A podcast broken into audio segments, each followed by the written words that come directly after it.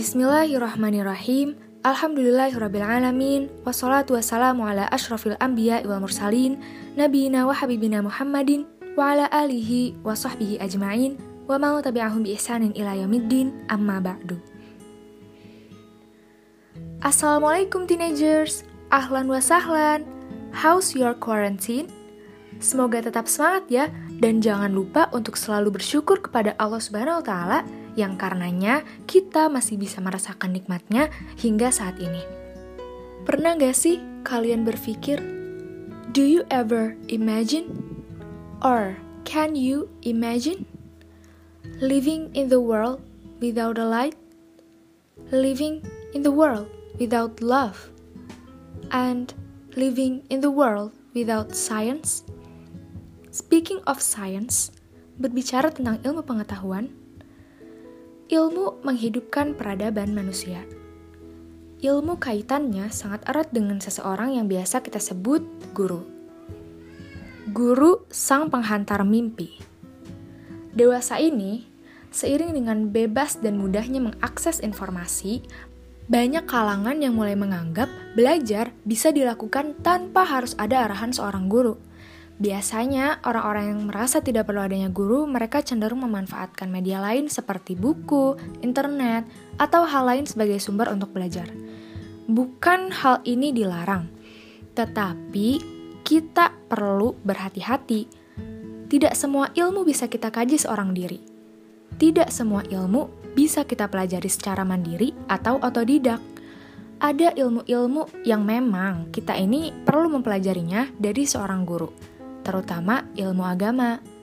Hal ini seirama dengan syair yang ditulis oleh Sayyidina Ali bin Abi Thalib radhiyallahu anhu yang artinya, "Ingatlah, engkau tidak akan mendapatkan ilmu kecuali memenuhi enam syarat, yaitu kecerdasan, kemauan, sabar, biaya, bimbingan guru, dan waktu yang lama."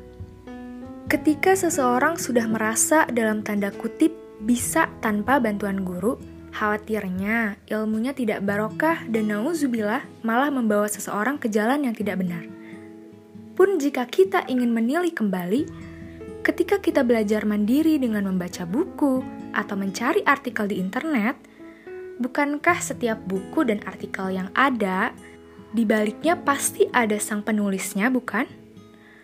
Oleh sebab itu, guru menjadi elemen penting ketika kita mencari ilmu guru itu tidak harus seseorang yang mengajarkan langsung kepada kita, yang menggunakan papan tulis misalnya, atau seseorang yang mengajarkan banyak hal. Seseorang yang memberikan kita secuil ilmu pun, itu pun termasuk guru kita. Karena ibarat sumur dan ember, gurulah sumur itu yang menyediakan sumber ilmu. Salah satu hal yang sangat menarik pada ajaran Islam adalah penghargaan Islam yang sangat tinggi terhadap guru. Begitu tingginya penghargaan itu, sehingga menempatkan kedudukan guru setingkat di bawah kedudukan nabi dan rasul. Kenapa? Karena guru selalu terkait dengan ilmu pengetahuan, dan Islam sangat menghargai pengetahuan.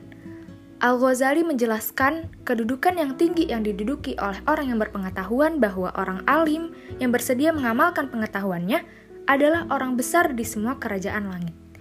Dia seperti matahari yang menerangi alam, ia mempunyai cahaya dalam dirinya seperti minyak wangi yang mengharumi orang lain karena ia memang wangi.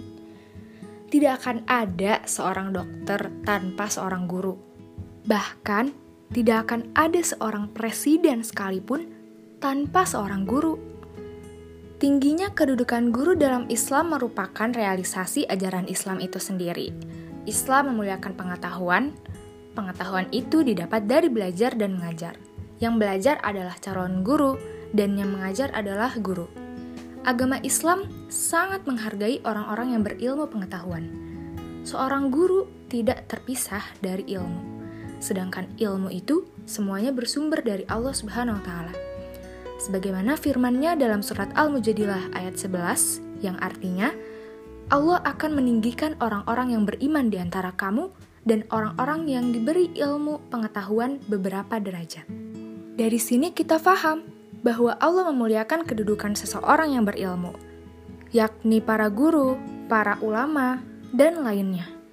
Allah saja memuliakan. Lalu kenapa kita sulit melakukannya? Wahai guruku, aku ini hanya seorang pemuda. Berlari dan berkelana menelusuri indahnya dunia. Tanpa tahu yang mana penuh tipu daya. Aku hanya seorang pemuda yang memiliki bongkahan cita-cita yang ingin kugapai dengan berbagai cara, yang terbalut berbagai angan-angan demi menggapai masa depan. Ketika aku bingung untuk melangkah, kau pun datang membimbing cerita. Kau arahkan ke mana kau harus berkelana, menuju masa depan yang gembira. Kaulah si pengarah jiwa, wahai sang penghantar mimpi. Sekian, terima kasih. Mohon maaf bila ada kesalahan. Lillahi taufik wal hidayah. Wassalamualaikum warahmatullahi wabarakatuh. See you in another coincidence.